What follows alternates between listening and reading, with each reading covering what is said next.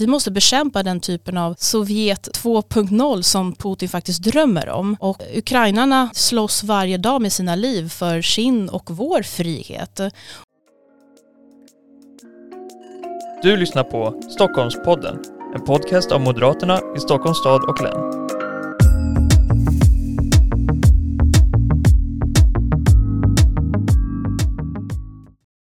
Hej och välkomna till veckans avsnitt av Stockholmpodden. Och idag så gästas vi av en av våra Europaparlamentariker, Arba Kokalari. Välkommen Arba.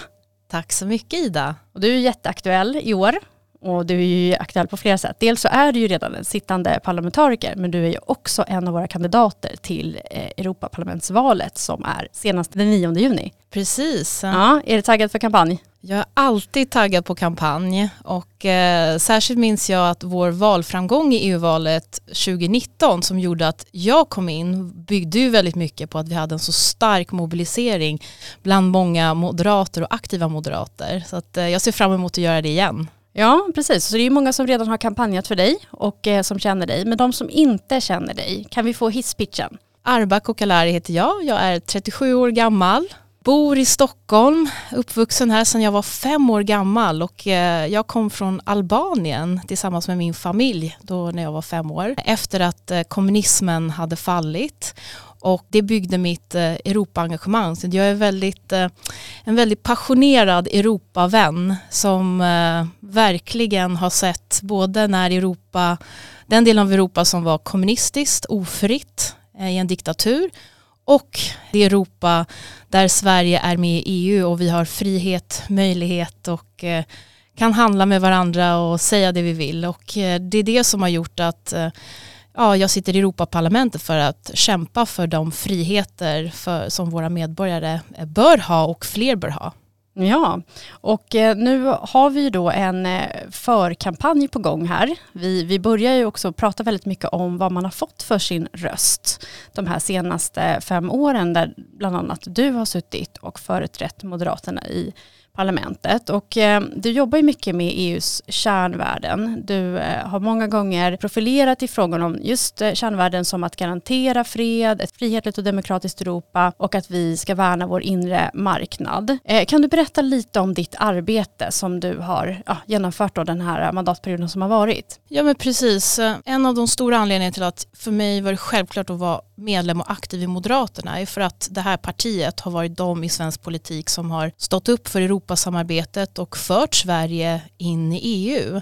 Och EU-samarbetet handlar om att bygga fred och frihet och eh, gemensam frihandel med olika länder i en kontinent som alltid har präglats av krig. Och vi ser ju nu hur vi har återigen krig i Europa. Vladimir Putins invasion mot Ukraina har ju verkligen vänt allting upp och ner. Och under de här åren när jag har suttit i Europaparlamentet så både innan invasionen och efter så har jag drivit väldigt hårt för ökade sanktioner mot Ryssland att vi aldrig får ta friheten för givet, också vi i Sverige och vi som är inne i EU. Och att vi måste bekämpa den typen av Sovjet 2.0 som Putin faktiskt drömmer om. Och ukrainarna slåss varje dag med sina liv för sin och vår frihet. Och vi vet att om Putin vinner då kommer han söka sig till fler länder. Eh, och det här är ett hot på riktigt och det är därför det är viktigt att stå emot det han och Ryssland gör mot Ukraina och mot det fria Europa.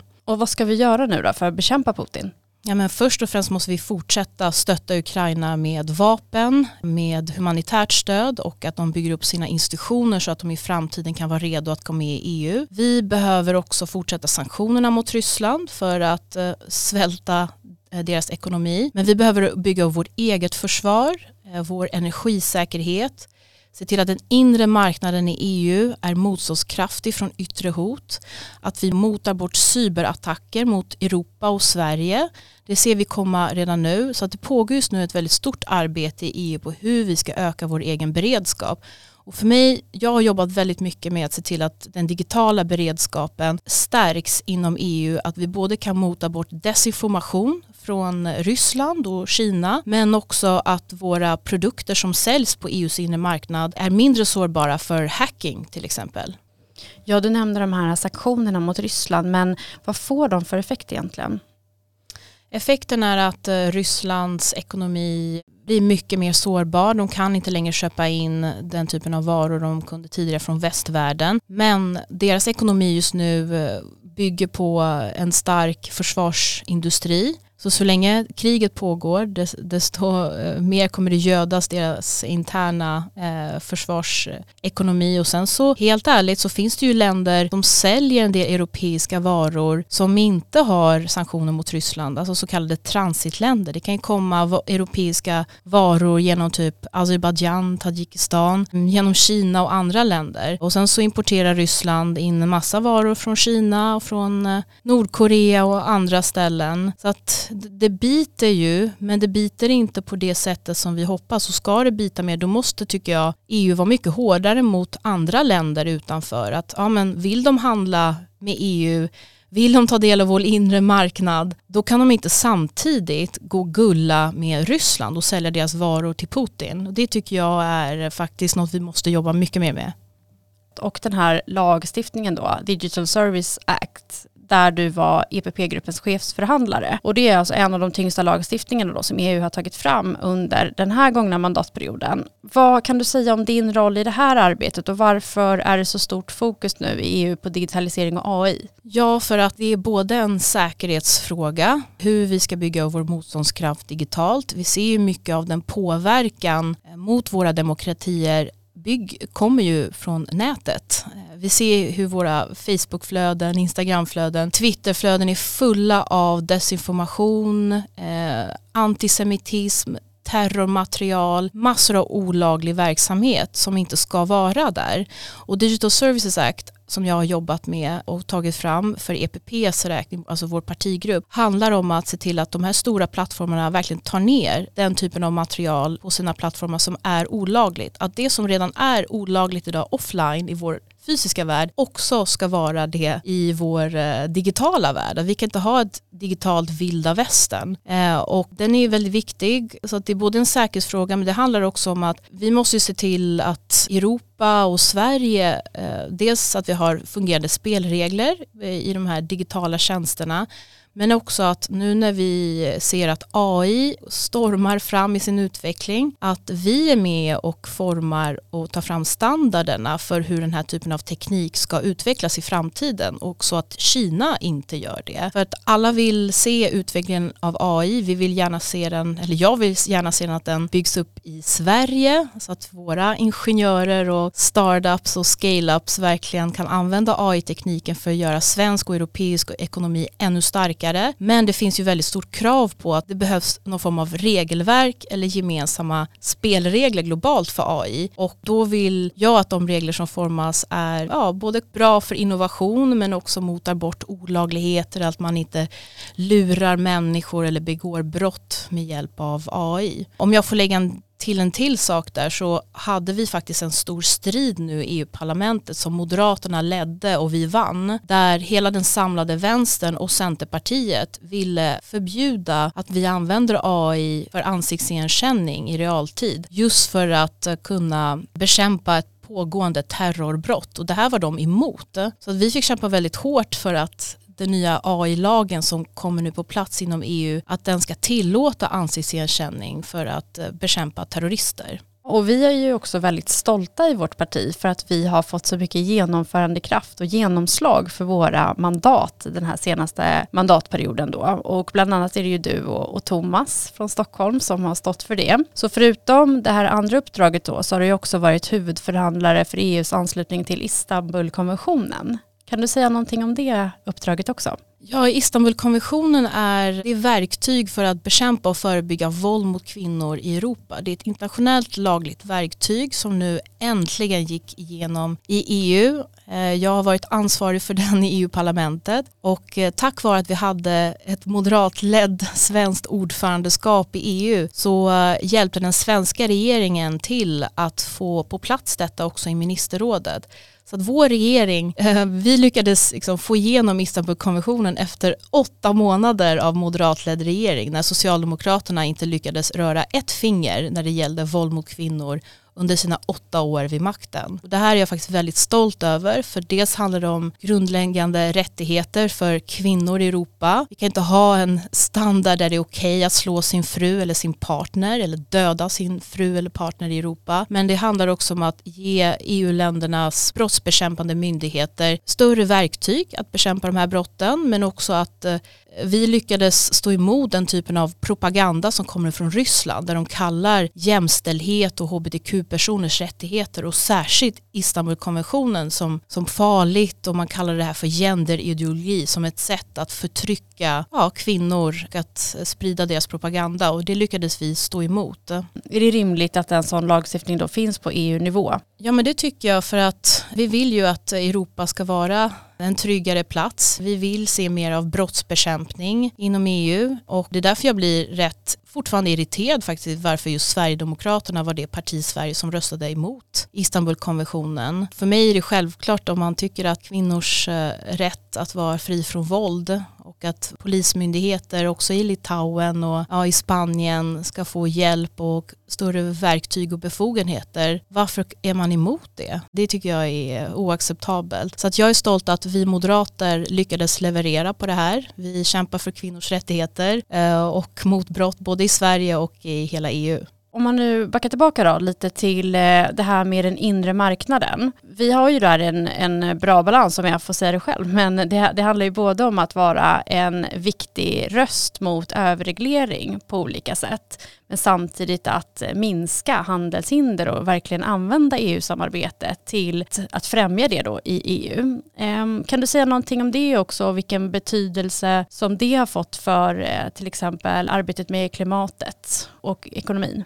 Ja, men den inre marknaden i EU, att vi kan handla fritt inom eh, EU är ju en av de största och viktigaste framgångarna eh, med EU. Det genererar ungefär 300 miljarder kronor för svensk ekonomi varje år. Våra svenska företagare och svenska jobb är helt beroende av att de kan handla över hela EU. Och jag är den enda svenska ledamoten i EU-parlamentet som sitter i utskottet för den inre marknaden. Och jag kämpar varje dag med att både mota bort vänsterkrafter och miljövänster som vill öka byråkratin, skapa nya onödiga regler. De kan kalla det ibland för i klimatets namn eller för att de vill skydda konsumenter. Men i själva verket så försöker de både förbjuda reklam på den inre marknaden. De försöker göra det svårare för svenska miljömärkningar att verka inom EU för att de tycker att det är greenwashing, att det finns miljömärkningar. De försöker förbjuda reklam på solpaneler och elbilar och att alla företag ska tillhandahålla reservdelar för allt, allt de säljer. Alltså det här är vansinne och det här tar väldigt mycket av min tid att vara en grindvakt mot den här typen av överreglering. Ja, men det är också otroligt viktigt att de regler som formas på den inre marknaden just när det handlar om hållbara och mer klimatvänliga produkter och inom tech och digitalisering att de är bra och konkurrenskraftiga. För att det är Sverige och svenska företag som är bäst i Europa på just hållbarhet. Och jag tycker det är självklart att vi ska se till att de regler som formas i EU verkligen ger en språngbräda för våra företagare att bli ännu större och starkare i, i Europa och globalt. Så att det är en, det är en kamp hela tiden eh, som måste tas och vi behöver bli fler som tar den i Europa. Finns det några, du säger att det är delar av vänstern och, och miljöpartier och sånt, men finns det något speciellt land här som är komplicerat eller är, finns det här överallt? Alltså de här motståndarna som är regleringsivrarna. Mestadels är det ju Miljöpartiets partigrupp, mycket Socialdemokraternas partigrupp också och Vänsterpartiet. Så det är verkligen ideologisk höger-vänster fråga. Vi ser vissa länder som är extra ivrare av byråkrati och det är faktiskt Frankrike.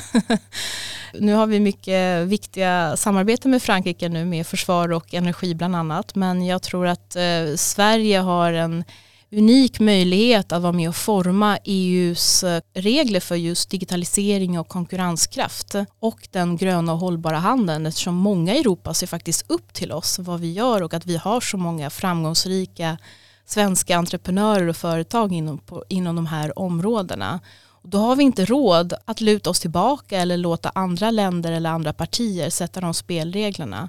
Så att man måste vara väldigt framåtlutad om vi ska kunna påverka.